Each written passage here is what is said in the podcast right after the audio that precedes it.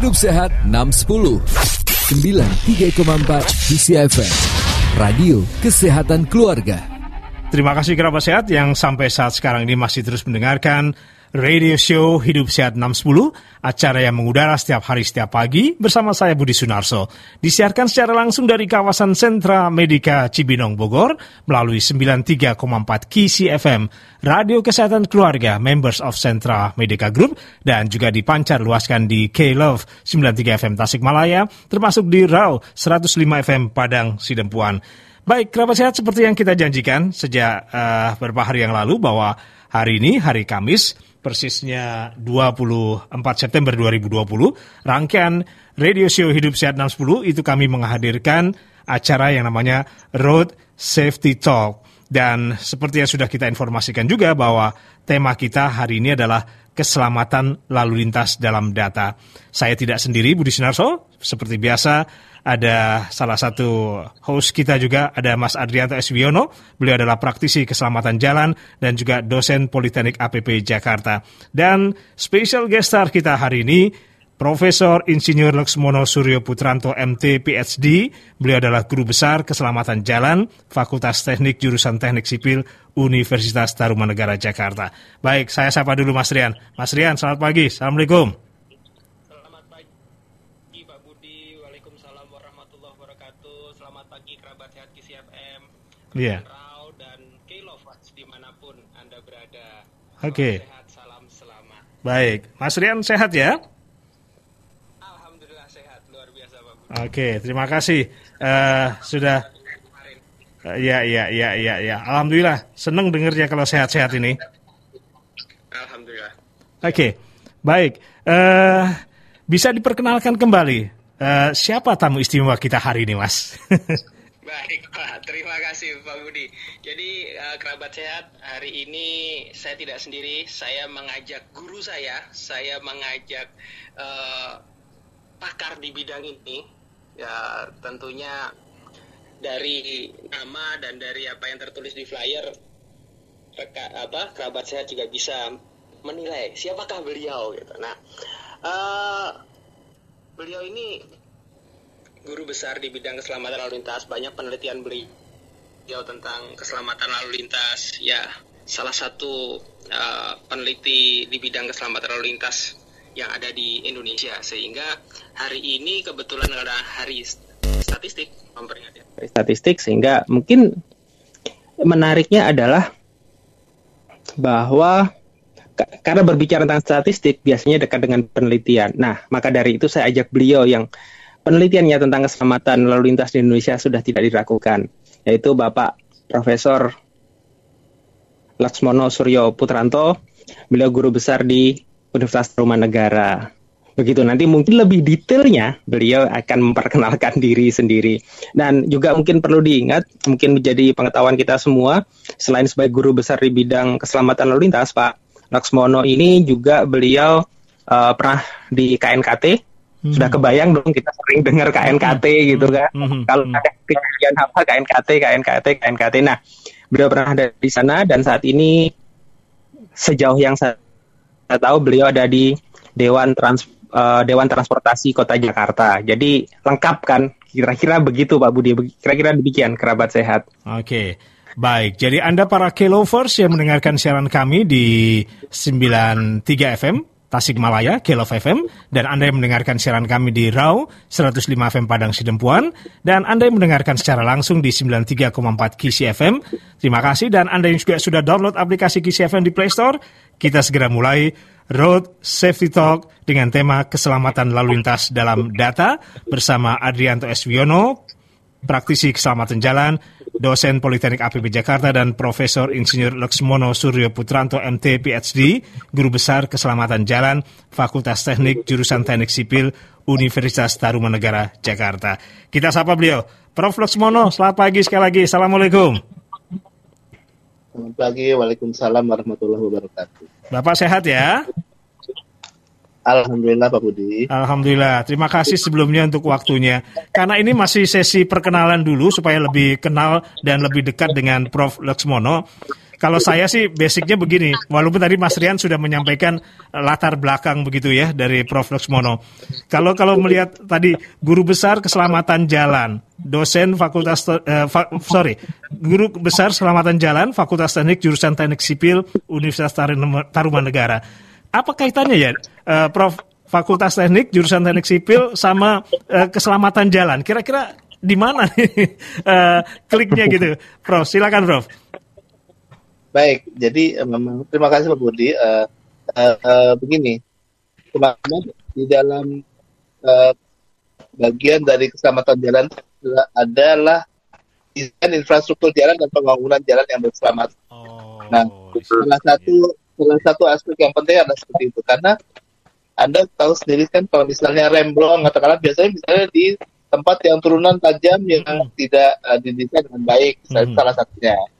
Atau katakan kalau sudah tahu remblong misalnya harusnya ada dong uh, bangunan-bangunan pelengkap yang bisa uh, katakanlah mereduksi hmm. tingkat keparahan kecelakaan kalau misalnya terjadi Betul. juga akhirnya remblong itu gitu. Hmm. Nah itu kan ada bangunan-bangunan fisik juga yang dibangun. Yeah. Itu kalau benernya Pak Pak Budi uh, yang yang uh, jalan lurusnya.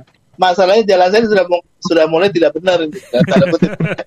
saya ini baru saja menerbitkan buku namanya hmm. Perilaku Pemulih Indonesia ya baru saja terbit ini penerbitnya Andi Offset Jogja itu baru saja terbit nanti boleh saya kirim ke Pak Aryan sama Pak Maaf, asal dikasih alamat kirimnya. Ya, maaf, judulnya apa?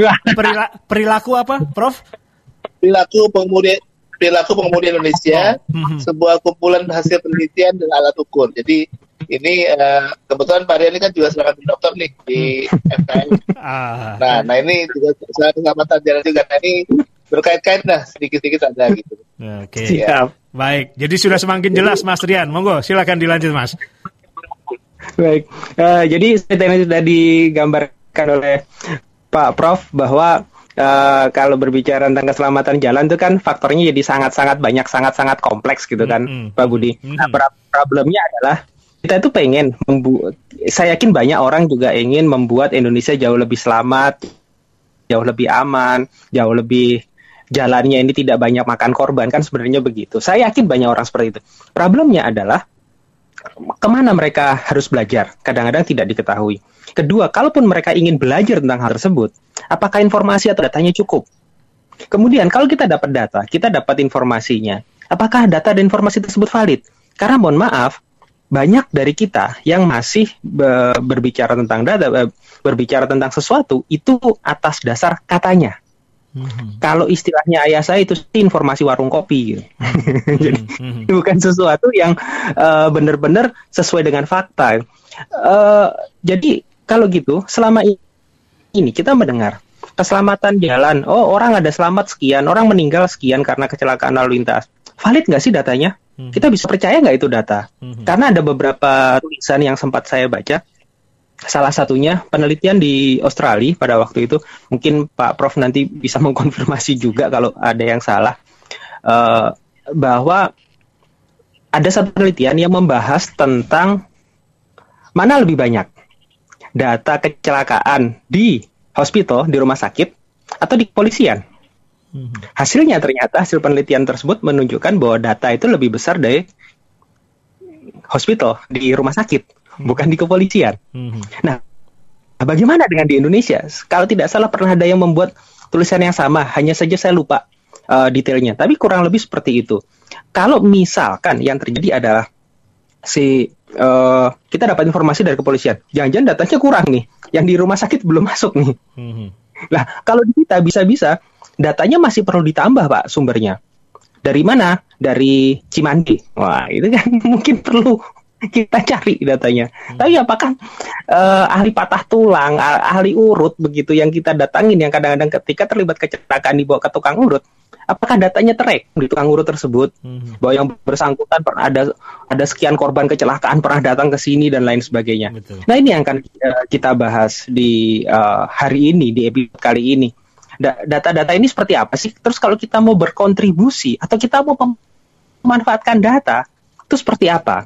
Nah, saya yakin dengan pengalamannya Pak Prof. Laksmono hari ini, kita bisa mungkin mendapat insight, kita bisa mungkin kita setelah hari ini kita bisa dapat oh saya bisa berkontribusi ini loh terkait dengan keselamatan lalu lintas hmm. dalam konteks misalkan menyumbang datanya atau kita memanfaatkan datanya kita olah menjadi sebuah informasi, menjadi sebuah penelitian yang bermanfaat buat siapa pun. Seperti itu kira-kira Pak Budi.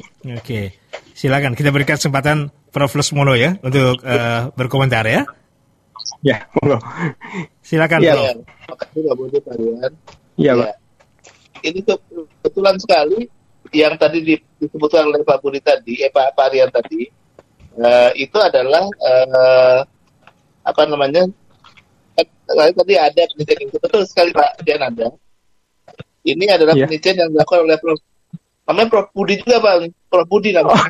Prof Budi Hasnatullah dari dari Maranatha Bandung. Oh iya. Ya. Oh iya. Jadi, ya, jadi ada ini apa namanya uh, penelitiannya memang betul mengenai uh, apa namanya perbedaan apa angka kecelakaan di hospital sama di kepolisian. Kepolisian. Ya. Uh, jadi memang itu beda ya. Dan kemudian uh, betul bahwa yang lebih tinggi atau yang lebih valid adalah yang di Hospital. rumah sakit. Ya. Ya, yang di rumah sakit. Karena apa? Karena semua yang di apa namanya semua kecelakaan itu akan ditangani pada akhirnya di rumah sakit. Baik itu yang kecelakaan meninggal, itu kan berarti sudah pasti ada surat kematian tidak, maupun yang luka-luka. Luka-luka dilawat sehingga ada keterangan sakitnya seperti apa parahnya dan sebagainya. Ya, kalau Cimandi tadi mungkin nggak ada ya Pak Rian ya. Tapi Iya, di rumah sakit mereka data semua dia dilakukan. Sampai dengan akhirnya mereka kalau meninggal meninggal, kalau dia rilis dari rumah sakit karena sembuh, ya sembuh. Datanya ada semua, ya. Sementara kalau di kepolisian itu mungkin yang dicatat tidak begini. Oh dia meninggal di tempat, gitu kan? Uh, Iya. Kemudian ketika dibawa ke rumah sakit, habis itu kan nggak diikuti terus oleh polisi. Akhirnya Oh. meninggal atau hidup. Ya. Sementara kalau di rumah sakit dia akan terus datanya sampai orang ini akhirnya sembuh, Hmm. meninggal atau uh, cacat gitu kan. Jadi akan ada datanya yang lengkap di rumah sakit. Jadi itu itu sebabnya. Bahkan menurut uh, penelitian Prof. Juga ini beliau uh, dosen di Mar- Maranatha Bandung, tapi dia mengambil dokternya di Parahyangan Bandung Hmm. juga. Nah itu uh, atas bimbingan Prof. uh, apa namanya Wimpi Satosa dan Pak Tri Basuki Yono. Nah itu Hmm. sebenarnya bukan saja terjadi perbedaan antara instansi, tapi di dalam instansi kepolisian, kepolisian sendiri, Iya. dan apa angka di pusat sama angka di daerah itu bisa beda. Oh, itu menarik. Iya, karena kan angka di pusat itu adalah kompilasi angka dari daerah. Nah, sekarang Hmm. apakah angka daerah itu semua meng- mengakumulasi sampai ke atas kan belum tentu belum tentu seperti itu. Nah, itu yang jadi masalah.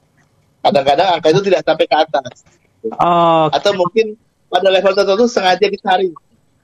Karena kan kebijakan-kebijakan eh, di bidang kepolisian kan juga kita nggak tahu persis ya. Iya. Mereka mungkin ada ada kebijakan khusus ya. Misalnya eh, ya kita nggak tahu maksudnya apa, tapi mungkin saja tidak sampai akan sampai eh, ke atas atau mungkin ada ada juga kesalahan dari entry yang melakukan entry data sehingga akhirnya tidak sampai ke atas. Itu saja. Oke. hmm. Ya, Mas Rian, eh, izinkan Ya. izinkan saya untuk mereview kembali ke ke yang paling dasar dan paling basic supaya pendengar kita memahami, ya kan? Iya. Karena kita ngobrol Ya. hari ini judulnya kan keselamatan lalu lintas eh, dalam data kaitannya dengan Iya. hari statistik begitu ya. Kita coba Betul. perlengkap minta eh, informasi dari Prof. Lesmono. Kira-kira ada pesan apa sih Prof terkait dengan hari statistik dan kalau dikaitkan dengan judul tema kita yang kita perbincangkan hari ini? Ya intinya begini Pak Budi dan Mas Rian bahwa eh, eh, kita itu sangat membutuhkan data statistik untuk mendukung eh, mitigasi yang kita lakukan. Hmm. Jadi ini nih Ma- Mas Rian ini kan calon dokter di bidang apa eh, sosialisasi keselamatan. Ya. Hmm. Yang bersangkutan sangat butuh sekali data mengenai sebenarnya bagaimana sih perilaku orang itu kalau misalnya dikasih intervensi tertentu itu berubah atau enggak atau malah dia uh, tidak perhatikan sama sekali. Jadi yang kayak begitu kan hampir nggak ada informasi ya sehingga mungkin ya salah satu yang dihasilkan dari disertasi varian selain berupa alat yang bisa memberikan dorongan untuk mengintervensi orang menjadi lebih baik lebih selamat juga bagaimana supaya data-data untuk bidang intervensi keselamatan ini juga ada gitu ya dan bisa di, diandalkan. Nah, makin makin jelas dan makin detail datanya, makin jelas kita bagaimana harus apa namanya memperbaiki keadaan keselamatan di Indonesia ini. Kalau enggak kita nggak tahu misalnya apakah betul uh, ini contoh nih ya Pak Pak Budi hmm. begitu banyak kecelakaan terjadi di daerah titik yang persis sama di daerah Keltek di daerah Bumi Ayu Jawa Tengah. Ya. Yeah. Itu, itu hanya gara-gara karena kebetulan ya saya nggak tahu betul ini karena saya tidak ingin menyalahkan pihak yang mana pun. Kebetulan ada flyover yang salah desain dalam tanda kutip ya jadi hmm, dia itu uh, entah bagaimana dia berhasil menghubungkan dua daerah, tapi yang celaka begitu banyak. Setiap setiap kali melewati seperti begitu ada truk. Remblong sedikit saja sudah akan timbul korban. Sudah hmm. dicoba dibagi berbagai treatment, misalnya katakanlah dengan istilahnya kayak benteng Takeshi saya mungkin jadi macam kayak benteng yang itu nanti akan ditutup ketika nanti ada yang remblong. Oh. Tapi kan gak, gak semua gak semua kejadian remblong bisa diatasi dengan itu kan. Kalau misalnya dia sebelum uh, berhenti diberhentikan oleh uh, penghalang tadi itu sudah menabrak orang-orang atau menabrak benda-benda lain, gitu kan? Itu kan yeah. Sangat bisa dibayangkan betapa kecelakaannya. Jadi memang uh, apa namanya uh, sudah banyak upaya untuk memperbaiki keadaan dari yang sudah melakukan dari perempuan sudah melakukan, tapi kelihatannya koordinasi antar instansi ini masih belum terlalu baik sehingga akhirnya itu masih menjadi makan korban dan itu terus menerus berkali-kali nah, hmm. ketika beberapa bulan sejak dibuka sejak uh, lebaran uh, tahun 2018 mungkin itu bisa dalam setahun itu beberapa beberapa bulan itu terjadi sekitar 10 sampai 20 kecelakaan. Wow. Gitu. Mm -hmm. okay. Luar biasa. Yeah. Jadi kita bisa bayangkan kan data semacam itu penting sekali dan harus dilihat mengakui siapa sebenarnya harus memperbaiki. Bagaimana hmm. kita bisa membantu. Iya iya iya ya. Nah, Betul. Ya. silakan. Mas. Jadi hmm. Ya, jadi seperti tadi uh, sudah disampaikan Pak Profesor Laksono, Pak Budi. Jadi hmm. kita itu dalam hal ini, dalam hari ini yang akan kita bahas itu adalah dalam konteks Uh, bentar, karena gini, soalnya kalau kita berbicara data, berbicara kata-kata statistik, berbicara dengan angka, hmm. itu kadang-kadang orang, wah ini susah nih, ini matematika nih, betul. bakalan rumit nih, betul. bakalan. Betul. poin, poin kita kan uh, selama ini tidak tidak ke arah situ gitu kan, karena memang uh, uh, pendengar uh, apa audiens kita kan berbagai lapisan, berbagai tingkat. Nah, uh, memang saya dari kemarin tuh nyari judul yang tidak mengkaitkan dengan kata data hmm. maupun kata uh, angka gitu kok nggak ketemu ketemu hmm. enaknya gimana? Ya sudahlah pasrah. Itu kata-kata yang mungkin uh, terbaik teringan yang mungkin saya bisa temukan dengan kebata keterbatasan kemampuan saya dalam apa kosakata saya. Nah akhirnya ketemu seperti ini. Harapannya dari sharing-sharing kita hari ini episode di episode kali ini kita itu bisa ada sinergi gitu loh antara kita dengan audiens, mungkin audiens, oh iya ternyata saya sebenarnya bisa loh membantu uh, berkontribusi terhadap keselamatan hanya dengan hal-hal sederhana. Apakah gitu? Seperti itu. Nah makanya yang akan kita lihat di hari ini adalah antara lain tentang uh, manfaatnya data ini, kemudian apa namanya siapa saja yang bisa menggunakan, terus bagaimana menggunakan, bagaimana kita berkontribusi. Nah yang menarik kan seperti tadi disampaikan Pak Prof. Laksmono bahwa banyak data-data yang tidak lengkap mungkin sampai ke pusat itu oh kompilasi dari bawah dari bawah ternyata dilaporkan sekian atau kadang-kadang mungkin uh, ada kerusakan komputer di bawah di cabang di sekitar sampai pusat datanya jadi tidak valid lagi ini kan jadi masalah baru pak hmm. akhirnya ketika kita mau melakukan penelitian kita mau uh, mengambil keputusan data tersebut menjadi tidak lengkap tidak tepat atau treatmentnya salah. Ibarat dokter mau mendiagnosis tapi tidak lengkap informasi pasiennya. Sederhananya begini, kadang ada uh, yang kasus yang paling dekat apa namanya terkait dengan COVID ini kan lagi rame-ramenya kebetulan. Ada pasien ketika datang ke rumah sakit ditanya, Anda sudah pernah uh, tes apa rapid test atau mungkin swab test karena hasil sebelumnya adalah positif di rumah sakit tersebut bilang belum gitu. Hmm. Anda punya gejala ini enggak. Nah, hmm. kan jadi salah, Pak. Betul. Penanganannya akhirnya pada waktu itu pernah ada kejadian bahwa ada uh, tenaga medis yang kemudian terpapar virus. Nah, hal-hal semacam ini yang sebenarnya kita mau angkat sama-sama. Kemudian uh, apa namanya? Kalau dalam konteks kecelakaan, kita tahu nggak datanya. Kita kita punya data, data itu cukup nggak? Kalau kita mau menyelamatkan orang, mau menyelamat, uh, mengambil keputusan tentang keselamatan jalan, apakah yang perlu diperbaiki jalannya, orangnya, atau apa? Selama ini kan memang kita data yang ada selalu mengarah kepada perbaikan manusianya, manusianya, manusianya. Jangan-jangan ini hanya kira-kira. Datanya sebenarnya tidak lengkap bahwa sebenarnya jangan-jangan bukan manusianya, memang jalannya juga salah ya. Misalkan seperti itu. Apakah kita bisa misalkan kita membuat report, kita membuat laporan kepada siapa? Oh, lihat ini kayaknya jalannya berbahaya deh. Kita bisa lapor ke siapa sih? Betul. Gitu kira-kira Pak Bud. Jadi uh, kerabat sehat kira-kira gambarannya seperti itu uh, di episode kita kali ini. Jadi uh, harapannya tentunya kita jadi punya kontribusi gitu dalam keselamatan lalu lintas sekecil apa pun itu. Baik.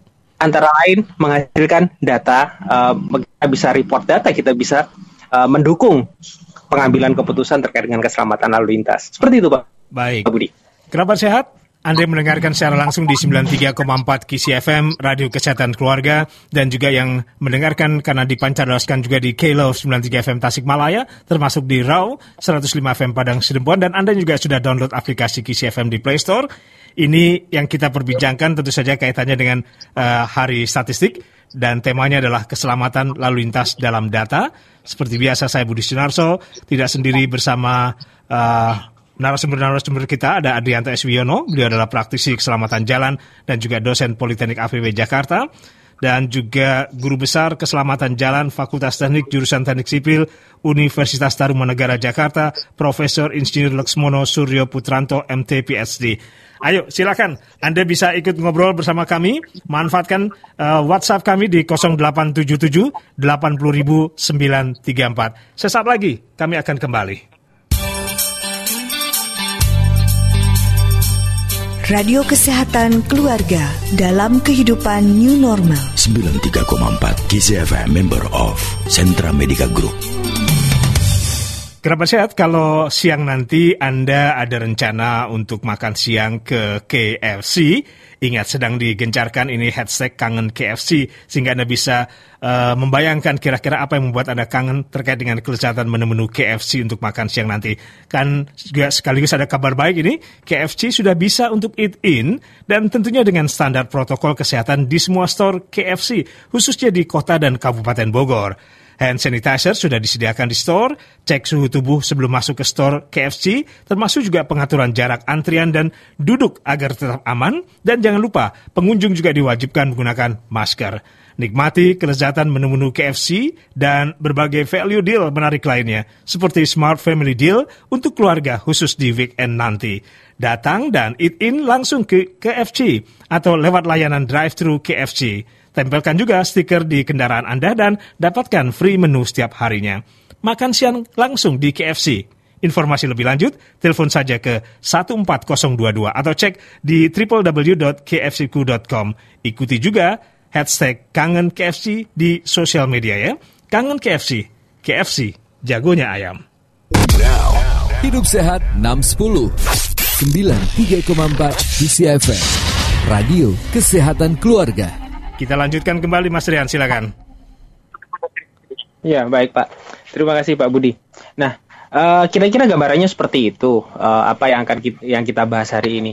Uh, mungkin saya izin bertanya Pak Pak Laksmono, Pak Prof, ya. uh, bahwa sebenarnya kita bisa apa sih sebenarnya yang bisa kita lakukan gitu Pak? Uh, tidak hanya dari sisi akademisi sih, dari masyarakat umum mungkin ada yang bisa dilakukan terkait dengan data mungkin kalau nyumbang informasi atau data itu ke mana gitu apa yang bisa dilakukan secara umum lah pak terkait dengan mungkin uh, pengumpulan data ini apakah harus menghubungi sebuah kampus ah, ini saya sharing nih Eh, saya punya data kecelakaan atau kejela, data keselamatan tempat kami atau atau bagaimana? Iya, jadi Selama ini. Eh, Korlantas Polri, eh, Korps Lintas Polri itu sebenarnya punya punya sistem namanya IRSMS. Indonesian Road Safety Management uh, uh, System ya. Yeah. Jadi uh, dia itu ada ininya, ada kontak nomor kontaknya. Hmm. Ada call centernya di 1500069 satu lima kosong kosong enam sembilan ya? Satu lima kosong kosong enam enam sembilan. Oh, oke. Dan ada SMS centernya sembilan satu satu sembilan. Dan dan ada uh, ada ada email juga sih korlantas@polri.go.id. Ya, jadi ada ada channel-channel yang bisa digunakan masyarakat untuk melaporkan kejadian kecelakaan. Oke. Okay. Sehingga dapat di dapat dibuat sesuatu yang lebih update sebenarnya gitu. Mm-hmm. Tapi tadi Marian tadi Marian mungkin saya tambahkan. Monggo tadi kekeliruan data tadi. Iya. Itu bisa macam-macam terjadi ya. Baik. Ya. Kadang-kadang misalnya begini, kalau kita masuk ke IRSMS, itu sebenarnya nggak terlalu banyak yang bisa masuk secara detail ke dalamnya. Itu hanya ya. orang-orang tertentu saja. Itu uh, kadang-kadang itu kan secara sudah lengkap datanya, ya. Semua ada hmm. menggambarkan kejadian kecelakaan misalnya siapa yang terlibat, data statistiknya seperti gender, apa usia, lain-lain yang bisa kita peroleh datanya, kita bisa masuk ke situ. Lalu kejadian kecelakaannya seperti apa? Ya, kapan terjadinya? Lalu yang terlibat uh, kendaraan apa saja? Orang yang terlibat berapa banyak? Korbannya berapa? Korbannya meninggal atau luka-luka luka-luka seperti apa? Itu lengkap semua datanya. Lalu hmm. itu detailnya seperti apa? Misalnya, apakah ini kecelakaan tunggal? Apakah kecelakaan yang melibatkan beberapa kendaraan? Iya. Apakah dia kecelakaan berbentuk sudut uh, apa namanya tegak lurus atau ke depan belakang itu semua detail sekali ada. Hmm. Namun kalau kita lihat apa pernah ditunjukkan oleh Pak Heru dan Dewi kita punya akses yang sangat luas ke RSMS. Iya. Itu nggak semua nggak semua item itu diisi ya jadi kadang-kadang uh, polisi yang betul juga punya keterbatasan. Ini sebenarnya apa ya? Apa saya harus isi apa di sini? Kadang-kadang mungkin uh, takut salah dia ya sudahlah saya isi yang normatif saja. Jadi kadang-kadang eh, nggak uh, diisi secara lengkap karena keterbatasan pengetahuan. Karena kan kita tahu kan petugas polisi itu kan tour of duty ya. Jadi dia kan hmm, pindah-pindah tuh. Betul. Betul betul. Dia sempat di apa namanya lantas lalu pindah ke namanya uh, apa bagian reskrim gitu kan hmm, hmm. jadi kan yeah. Iya. uh, nggak bisa dia profesional di bidang tertentu kepolisian itu nggak bisa kecuali mungkin yang selevel Profesor Prisanda ya yeah, tapi kalau yeah. yang yang lain-lain mungkin nggak ada sampai ke, level Profesor Prisanda yang dokternya di bidang kepolisian profesor di bidang kepolisian lengkap itu yang lainnya ya mungkin ya pokoknya saya menjalani karir saya di bidang polisi terus saya akhirnya menjadi Kapolri gitu ya hmm. itu ya bisa menjalani semua sisi dari polisi nah itulah satu sisi kepolisian kepolisian itu bagus karena dia itu kan hierarki ya. Apa apanya perintah kan semua akan dilaksanakan siap siap siap ya. Padahal siap itu dengan berbagai kondisi. Yeah. betul-betul siap atau siap salah gitu kan. Yeah. nah ini yang ini sering kali kita nggak tahu sebenarnya data itu sebenarnya itu karena tidak lengkap itu karena apa? Karena yang itu juga nggak tahu cara mengisinya atau uh, ya mungkin memang datanya sudah sudah apa nggak nggak begitu lengkap misalnya ini uh, ada yang lapor kecelakaan warga masyarakat gitu ya. Yeah. Tapi kan orang awam, dia kan nggak tahu kan uh, detail melakukan apa. Tapi kemudian sudah berubah type dari apa kejahatan Jadi itu sudah sudah hilang data aslinya gitu. Sebagaimana hmm. halnya ketika KNKT dasar investigasi itu, yeah. itu sering kali sudah dalam keadaan sudah oleh polisi sorry ya. Yeah. Sudah dalam kondisi tidak tidak yang kita inginkan seperti yang sesungguhnya atau kadang-kadang bahkan sebaliknya itu uh, uh, memang dalam undang-undang uh, kewenangan itu dari polisi maka kadang-kadang malah nggak bisa saya bisa saja Oke, okay. hmm. baik. Profesor ya, Laksmono, ya, ya. Mas Rian, saya saya bacakan ya. dulu WhatsApp ya yang masuk ya. Boleh Pak. Ya. Oke, okay. dari Ibu Els di Depok. Oh, WhatsApp ya, WhatsAppnya masuk. Menurut saya dengan adanya data-data yang disampaikan sebagai informasi ke masyarakat untuk lebih berhati-hati, lebih waspada hmm. supaya angka statistik tidak naik. Kalau bisa jadi menurun, sekaligus memotivasi masyarakat untuk bisa lebih perhatian pada keselamatan jalan. Oh ya, untuk lebih lanjut, apakah masih ada ya asuransi kecelakaan di jalan seperti halnya pernah ada yang dilakukan oleh Jasa Marga? Itu dari Ibu Els yang pertama. Yang kedua, dari Pak Rojali Albeladi di Taman Kenari Jagorawi. Selamat pagi Mas Budi, selamat pagi Mas Rian, selamat pagi Prof. Luxmono. Saya ingin share dan tanya juga nih ke para pakar, Mas Rian dan Prof. Luxmono. Sebagai contoh nih, kita ambil kejadian di Tanjakan Emen, yang mana kejadiannya berulang-ulang terus. Nah, so pasti datanya ada yang ingin saya tanyakan. Apakah semua fungsi yang terkait mengadakan kajian yang lebih intens untuk upaya meminimalisir agar charge-nya menurun? Apa yang dilakukan penerapan audit keselamatan jalan? Perlukah manajemen kecepatan kendaraan? Terima kasih. Monggo, Mas Rian, Prof. Laksmono. Baik. Ya. Baik. Nah, begini. Ini Bu Els dengan Pak Pak Ro, Pak Rojali ya? Iya, betul. Eh, iya betul. Iya Pak Rojali, tetangga. ya, oke. Okay. Uh, eh, ini terima kasih ini, ini sudah sudah apa? Uh, sudah aktif kembali. Baik. Kalau dari Ibu Els tadi, mungkin maksudnya Bu, Ibu Els jasa raharja mungkin ya? Ja, ya, ya, tulisannya sih jasa marga nih. Atau mungkin jasa raja barangkali ya. Eh, Pak Pak Laksmono mungkin pernah dengar Pak tentang uh, program yang dilakukan oleh jasa marga gitu terkait dengan asuransi. Jasa raja mungkin. Jasa raja. Jasa raja mungkin. Jasa raja ya. ya. Uh, hmm. ber, berbicara tentang data ini bahwa kita kita mengharapkan trennya itu menurun.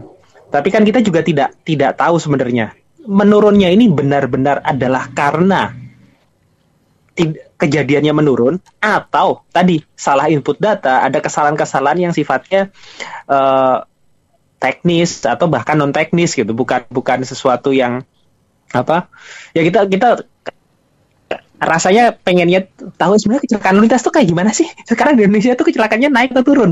Itu itu kan yang kita pengen tahu. Wah ternyata naik ya? Oh ternyata seandainya data kecelakaan lalu lintas ini diekspos tiap hari kayak informasi covid kayaknya seru deh. Hmm boleh boleh. Ya kan Pak atau mulai atau mulai saya lakukan setiap pagi. Wah ini ya, ide bagus ini pak, ide bagus, ide bagus. Seperti itu sih kayak, kayak kayaknya lebih menarik. Nah kalau yang dari Pak Rojali saya pikir itu lebih banyak kepada Pak Laksmono itu. Karena beliau pernah di KNKT, beliau mungkin sangat berpengalaman dalam konteks tanjakan emen ini kira-kira. Gitu Pak Budi. Hmm. Ya, silakan dilengkapi Prof Laksmono. Ya, Pak Budi, saya mohon maaf ya Pak Budi, uh, nama Pak Budi itu bisa dikatakan terkenal, boleh juga dikatakan pasaran ya Pak Budi. Ini karena karena saya udah bilang ada Profesor Budi, hmm. ada Pak Budi sendiri. Tapi tapi jangan ada juga insight. Tapi jangan ya. salah, jangan salah Prof Luxmono, ya. Ya. Nama Budi itu dijamin kegantengannya. Oh iya. Bukan saya dengan Ibu ya. Lanjut lanjut lanjut silakan. Ya. Saya akan mengatakan Budi yang lain nih, ada satu lagi Budi yang terkait dengan MM. Budi ini adalah investigatornya waktu di namanya Budi Susandi. Hmm.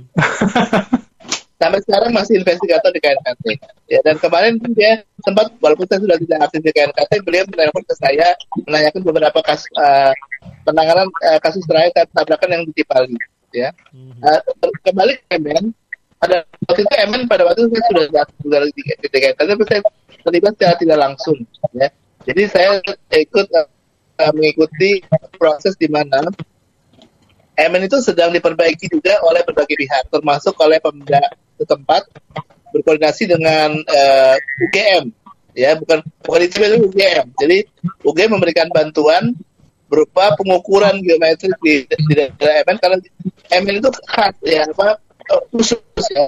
Jadi dia memang kondisi eh, kondisi uh, terasa jalannya sangat sulit ya ketika kita ingin memperbaiki sudah jurang sebelah kanan dan kirinya gitu ya. Jadi artinya mau kita apakan lagi? Jadi memang apa namanya solusinya memang tidak mudah secara teknis sehingga memang uh, dalam jangka pendek nggak bisa itu sudah tertekan. Jadi yang paling bisa adalah jangka panjang memindahkan arus utama dari MN itu ke tempat lain harusnya begitu.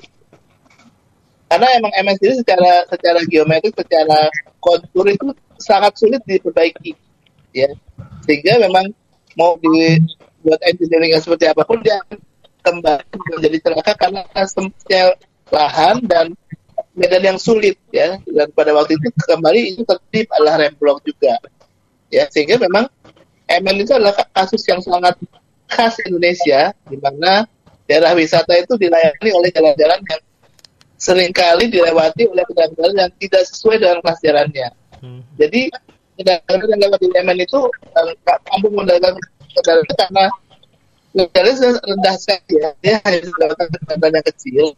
Ya, tapi karena wisata jadi harus pakai bis. Dan sehingga ketika terjadi keadaan-keadaan khusus di mana ada pertemuan kendaraan yang bersamaan dan sebagainya itu sulit mengendalikan kendaraan dan ya bisa jadi ada dua kemungkinan antara masuk jurang atau di apa namanya uh, di artinya ya dilempar balik ke dinding tebing pilihannya nggak banyak. Mau masuk jurang atau kena tebing. uh, kena tebing jadi sangat tidak ideal sehingga memang penyelesaiannya tidak mungkin secara jangka pendek. MN itu adalah sesuatu yang sangat khusus. Dan hmm. khusus kecelakaan MN yang paling parah waktu itu yang melibatkan sekitar lebih dari 30 orang ibu-ibu dari apa pengajian konsultasi kalau nggak salah ya. Itu uh, itu khusus sekali karena kebetulan ternyata sebagian besar yang kemudian meninggal tidak menggunakan seatbelt ya. Nah itu salah hmm. satu yang mungkin kita harus perhatikan. Seatbelt itu sangat penting menjaga keselamatan anda di mana pun khususnya pada saat bis atau kota. Apalagi di trek yang sangat berbahaya seperti itu wajib pakai seatbelt itu. Karena hmm. itu kita terlontar kita bisa terlontar ke mana saja. Dan terlontar ke bisa terlontar ke teman yang lain Halo? Ya, terputus sepertinya ya. Sepertinya. Sebentar Prof? saya. Oke. Okay. Prof. Lesmono masih dengar suara kami semuanya? Oke. Okay. Baik. Ya, tadi uh, Mm-hmm. Kalau MN saya tidak berkomentar. Kita tunggu Pak Pak Laksmono lebih lanjut. Tapi poinnya bahwa tadi yang menarik disampaikan bahwa uh, tanjakan nemen eh, pakai safety belt di mana pun kapan pun gitu kan. Yeah, yeah. artinya yang jadi masalah ketika naik bis waktu kita bahas episode tentang bis pak waktu itu kan uh, apa namanya kita bahas tentang keberadaan safety belt di bis. Itu aja susah dapatnya. Apa jarang ada bis yang sampai punya safety, safety belt. belt. betul. Iya. Iya iya itu problemnya. Okay. uh, jadi ya itulah yang bi sangat bisa mem justru membuat apa jadi jadi masalah gitu kan ketika Baik. terjadi hal-hal yang tidak diinginkan. Baik, Mas Rian, kita break dulu ya. Kita lanjutkan sesaat lagi. Baik. Radio Kesehatan Keluarga dalam kehidupan new normal. 93,4 KZFM member of Sentra Medica Group.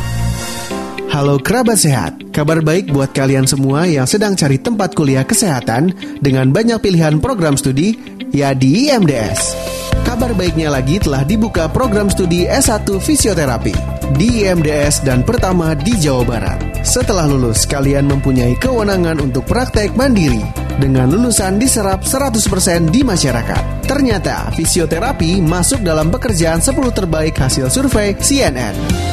Ayo daftar sekarang juga. Informasi lebih lanjut, hubungi marketing kami di nomor WhatsApp 0813 8371 8185 atas nama Herdi atau kalian daftar online di pmb.imds.ac.id. Kuliah kesehatan, ya IMDS. Institut Medika Dr. Gigi Suherman, Integritas, Entrepreneur, dan Unggul. Hai Jennifer, Bingung cari internet yang cepat, stabil, tapi harganya murah? Pilih aja Binetfit. Selain memiliki jaringan internet yang cepat dan stabil, Binetfit juga memberikan harga yang murah loh. Mulai dengan Rp199.000, kamu sudah bisa internetan dengan kecepatan 10 Mbps tanpa batasan kuota. Kamu bisa streaming, download, dan main game online sepuasnya. So, tunggu apa lagi? Pasang Binetfit sekarang juga. Untuk berlangganan, hubungi ke 021 3973 9090 atau WhatsApp ke 0877 2009 0403. Binetfit, powered internet. Now, hidup sehat 610 93,4 DCFM Radio Kesehatan Keluarga.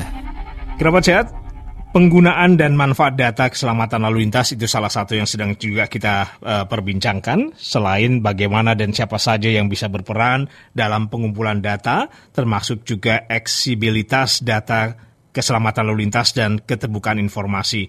Ya, uh, ini yang masih kita perbincangkan hari ini. Masih bersama saya Budi Sunarso, Adrianti Eswiono, praktisi keselamatan jalan, dan juga dosen Politeknik APP Jakarta, termasuk juga Profesor Insinyur Laksmono Suryo Putranto, MSc PhD, Guru Besar Keselamatan Jalan, Fakultas Teknik Jurusan Teknik Sipil, Universitas Tarumanegara Jakarta. Kita lanjutkan lagi Mas Rian. Baik Pak, ini Pak Laksmono sudah terhubung lagi, jadi mungkin monggo Pak bisa Dilanjut. dilanjutkan ya. Pak tadi terputus sampai dengan safety belt. Ya baik. Jadi salah satu penyebab uh, fatalitas yang tinggi di kecelakaan MN adalah ketika para penumpang pada saat Ya, hilang lagi, Pak. Ya. ya. Oke. Sudah, sudah lagi. Ya, karena halo. Iya, Pak. Monggo. Ya. Mungkin tidak sudah safety beltnya atau kadang-kadang ada juga yang tidak dipakai safety beltnya. Karena memang hmm. safety belt itu wajib itu hanya sampai dengan sekarang wajib itu hanya pada penumpang yang paling depan sama supir saja. Hmm. Ya. Sehingga hmm. yang di yang berikutnya tidak ada kewajibannya. Walaupun pada peraturan menteri ada itu ketentuannya untuk bis itu harus uh, menggunakan safety belt dilengkapi dengan safety belt. Masalah yang makanya belum ada ketentuan. Nah, sehingga memang menjadi pilihan bagi PO-nya apakah dia memasang safety beltnya. Kedua uh, ada uh, pilihan bagi PO-nya apakah mereka akan menegakkan aturan penggunaan safety belt itu kepada penumpangnya. Karena mereka juga berkepentingan untuk menjaga kenyamanan penumpang. Ada penumpang yang tidak nyaman menggunakan safety belt Hmm. Tapi saya ingat ketika pengalaman di Korea, salah satu uh, konferensi ISO itu di, Korea, itu kami ketika menjalani rute yang sangat uh, ekstrim, kami diingatkan oleh para uh, supirnya, tolong sekarang dipakai seat belt. Gitu. Ini ada ada peran supir dan peran dari penumpang untuk berpartisipasi dengan keselamatan. Nah itu kadang yang bagian mereka itu sering dan sudah terbukti bahwa yang menggunakan seat belt biasanya kecelakaannya yang, yang tidak pakai seat belt. Gitu. Hmm.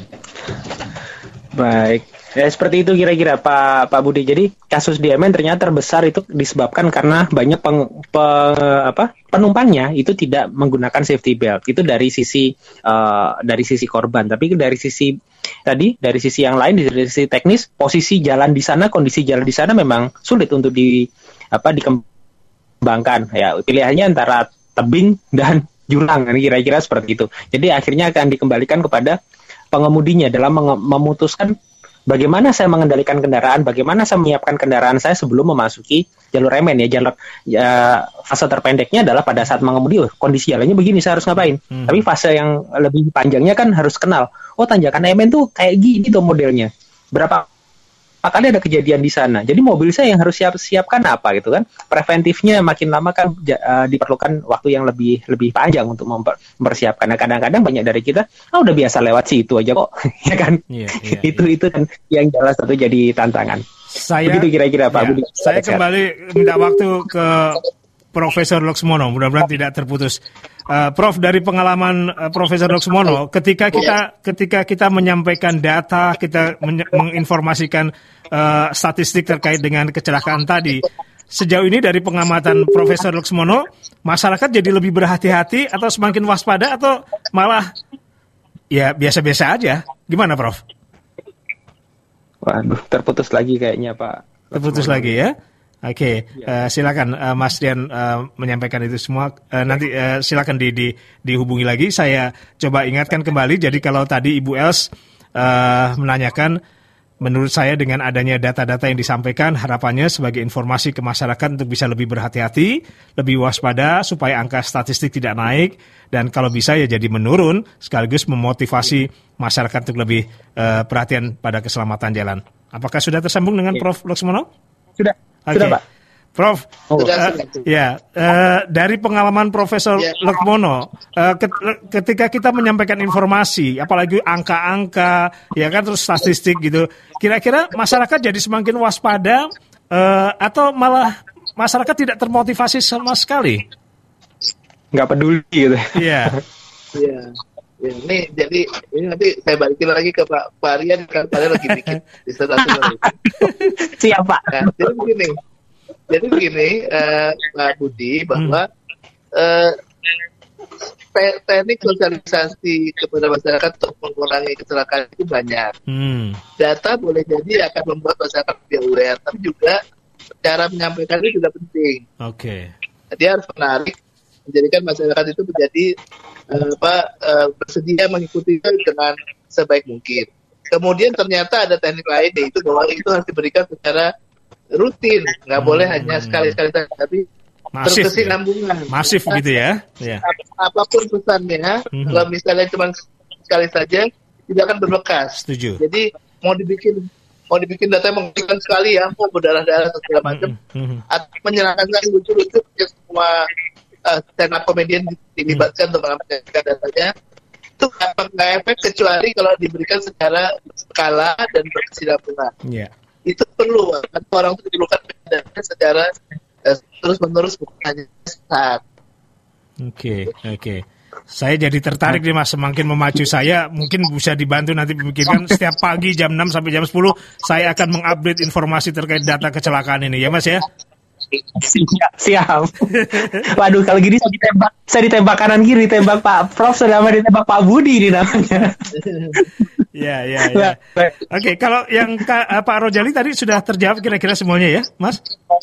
Ya, Insya Allah sudah kan, terkait dengan MN tadi, eh, terutama kondisi MN bahwa kenapa kok sering kali terjadi adalah karena eh, kondisinya seperti itu gitu. Dan yang terbesar adalah kasusnya adalah karena eh, masa korban yang terbesar terjadi karena karena pes- eh, penumpangnya tidak menggunakan safety belt. Itu yang, yang Oke. tadi sudah disampaikan. ya. Tapi Iya, monggo, sebelum, sebelum sebelum Prof menyampaikan, sebelum Profes menyampaikan, eh, saya bacakan satu. WhatsApp lagi ya. Sebentar ya, Prof ya. Izin Prof. Saya saya Sofi dari Tasikmalaya. Bagaimana jika para pengguna jalan itu tidak mematuhi peraturan yang ada? Karena mereka merasa selalu selamat. Nah, jadi apa yang juga harus dilakukan oleh para petugas? Silakan, Prof dan Mas Rian. Nah, tadi nggak- mungkin ditambahkan dulu tentang eh, MN Iya. eh, dari Pak Laksmono. Monggo Pak. Ya, saya kasih sesuatu yang bisa saya disclose ke publik ya, yaitu Iya. mengenai bahwa salah satu yang menyebabkan kita apa bisa mendapatkan data yang cukup baik mengenai MN adalah sebenarnya ada sebuah tergantung kendaraannya. Ini kan Mercedes kendaraannya, ini kan Mercedes. Mercedes itu berlangganan dengan sebuah sebuah lembaga yang eh, mendata atau kayak black box-nya gitu loh. Jadi kalau kecelakaan pesawat kan ada black box-nya. Nah, kecelakaan bis itu ada black box-nya. Tapi di kendaraan tertentu saja memang memasangnya. Contohnya di, di Mercedes itu ada macam itunya. Ada ada recordernya untuk kejadiannya. Mulai dari ketika dia masih berjalan dengan normal sampai ketika ada dia celaka itu ada recordnya. Sehingga KRK itu sangat terbantu karena lembaga itu dengan dengan inisiatif mereka sendiri mendatangi KNKT memberikan datanya kepada kita. Nah, kita bisa mem- memudahkan kami untuk men-trace sebenarnya kejadian kecelakaan seperti apa. Jadi peran masyarakat juga bisa peran masyarakat yang sangat ilmiah seperti tadi. Jadi ada, ada lembaga yang sukarela memberikan datanya, ilmiah datanya, yang Iya. bisa digunakan secara ilmiah oleh KNKT gitu. Wow. Ternyata ada data yang sebenarnya saya juga baru tahu hari ini bahwa ternyata Mercy punya black box gitu di bisnya. Tapi ti- tidak semua seri Pak ya, hanya seri tertentu atau semuanya? mungkin dari tertentu saya kurang tahu kali tapi karena jadi ada kantor perwakilan untuk itu lembaga itu kan menangani mungkin berbagai berbagai merek ya dan itu Iya. dia sebenarnya ada kantor perwakilan Jakarta tapi sebenarnya yang terdekat adalah di Singapura yang Jakarta hanya kantor perwakilan saja tapi data-data itu tersalurkan langsung ke Singapura dan kemudian orang yang perwakilan Jakarta yang datang ke KNKT untuk mem- menyampaikan secara langsung kepada kami eh, apa namanya dan menjelaskan segala sesuatunya. Loh, Kami eh, masyarakat awam apakah boleh itu melakukan member- apa mengakses data tersebut ke perwakilannya Mercy tersebut yang meng- eh, apa untuk memperoleh data tersebut itu apakah boleh atau harus dengan prosedur tertentu begitu? saya nggak tahu ya karena eh, kami itu tadi nggak tahu dari lembaga itu gitu ya kemudian Hmm. orang itu orang itu menghubungi kami dan kemudian ya udah kami kami terima dengan baik dan dengan senang hati kami kemudian eh, apa namanya karena itu kan dia datanya sangat detail ya. Jadi sampai kira-kira misalnya kecepatan saat dia menikung yang terakhir, gitu, bahkan kecepatan sepanjang beberapa hari terakhir gitu, apakah ada abnormalitas sepanjang beberapa hari terakhir, apakah ada, karena itu kan akan menunjukkan apakah ada kerusakan di dalam sistem pengereman dan sebagainya. Jadi itu tergantung secara time series. Hmm, wow, keren sekali. Silakan, Mas Rian, eh, Mbak Sofi tadi dari Tasikmalaya. Baik, terima kasih. Baik, Pak Budi. Uh, Bu Sofi, jadi terkait dengan kecelakaan lalu lintas, keselamatan lalu lintas, apa yang bisa bisa dilakukan. Kalau dari penegakan hukum, terus terang kami pun di sini tidak bisa menjawab dengan pasti karena itu wewenangnya beliau-beliau yang di sana. Bagaimana te secara teknis beliau-beliau me melakukan penegakan hukum, bagaimana beliau-beliau menangani kejadian-kejadian di lapangan. Sedangkan di, kalau di kami mungkin hanya sampai uh, batas bahwa dari si penegak hukum mungkin adalah enforcement ini memang perlu lebih ditingkat kan karena kadang-kadang ada hal pembiaran-pembiaran kecil yang kemudian dampaknya dibesar. Contoh yang paling sering kita lihat, sering kita bahas adalah ketika ada petugas mem mempersilahkan pengguna katakanlah sepeda motor untuk maju melewati garis marka melintang ke, di suatu persimpangan, ketika petugas tersebut tidak ada, maka pengguna jalan, pengguna motor, pengguna kendaraan secara otomatis maju ketika ditanya lo anda kok maju? Kan udah ngelewatin marka. Lo kemarin kan sama petugasnya suruh sampai sini. Artinya tuh dibolehkan dong. Nah begitu. Ini kan pemahaman-pemahaman yang kurang pas di masyarakat dan sedangkan mungkin penindakannya mungkin kurang juga gitu. Itu itu yeah. kalau dari sisi sudut pandang saya. Mungkin okay. Pak Prof. Laksono punya sudut pandang yang lain. Iya, jadi uh, saya tadi kurang kurang jelas pertanyaan dari Bapak tadi. Gimana Pak Rian? Ya, dari Bu Sofi tadi men menanyakan bagaimana ke, petugas efektivitas petugas sebetulnya di dalam penanganan hmm. uh, penegakan disiplin di jalan Pak sebenarnya. Betul. Oh gitu. Oke, jadi ya. begini Bu Sofi bahwa uh, petugas itu sebenarnya memiliki beberapa uh, kepentingan dan keterbatasan juga. Pertama, keterbatasan.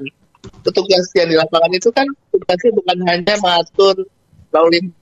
Kadang-kadang dia mengatur hal yang lain. Jadi, karena polisi itu kan tugasnya adalah apa keamanan ketertiban lancaran ya.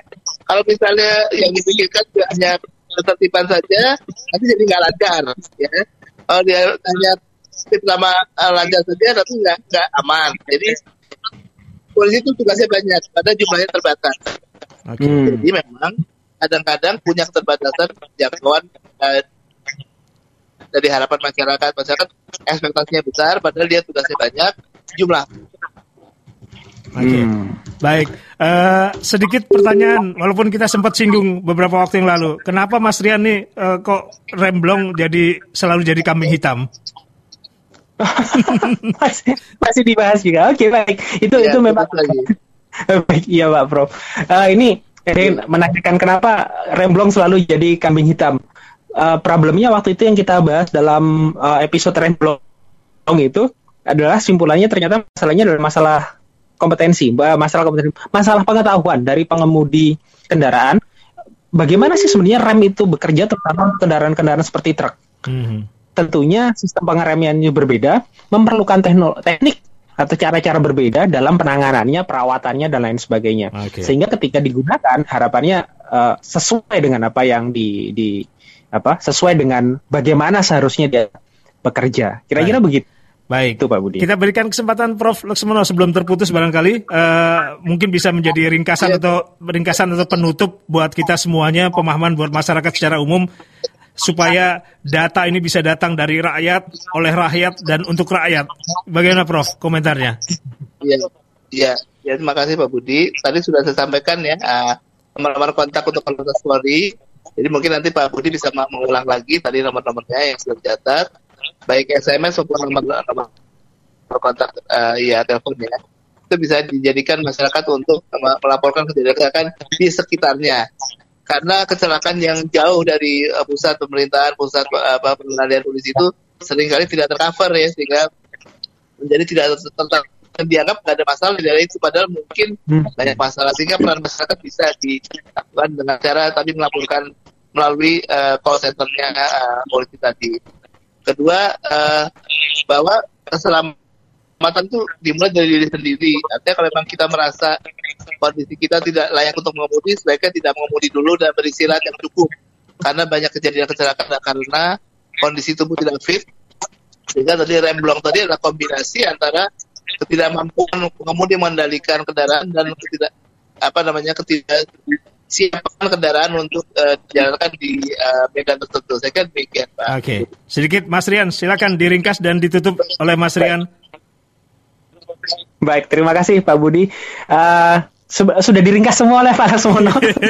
sudah sudah sangat sangat hmm. Saya sih cuma mau menambahkan bahwa yuk kita sama-sama mendukung peningkatan data tentang uh, keselamatan lalu lintas tujuannya adalah membuat kita jadi lebih selamat lagi di masa yang akan datang. Begitu Pak Budi, terima kasih. Jaga keselamatan, jaga kesehatan. Profesor Insinyur Laksmono Suryo Putranto MT PhD, Guru Besar Keselamatan Jalan Fakultas Teknik Jurusan Teknik Sipil Universitas Tarumanegara Jakarta. Prof, terima kasih sekali lagi untuk waktunya. Sehat-sehat, jangan kapok ya kalau kita ajak siaran. Iya, yes, senang hati Pak Budi. Amin. Baik, terima kasih sekali lagi, sehat-sehat. Mas Rian, terima kasih juga yeah. ya. Yes. Terima kasih, Pak. Ya, para Kelovers Tasikmalaya, Kelov FM, Rau, uh, Padang Sidempuan, dan Anda yang mendengarkan secara langsung di 93,4 Kis FM Radio Kesehatan Keluarga. Ya, uh, Road Safety Talk dengan tema keselamatan lalu lintas dalam data cukup sampai di sini. Saya Budi Sunarso, undur diri. Tetap sehat, tetap semangat. Radio Kesehatan Keluarga dalam kehidupan new normal. 93,4 KCFM member of Sentra Medica Group.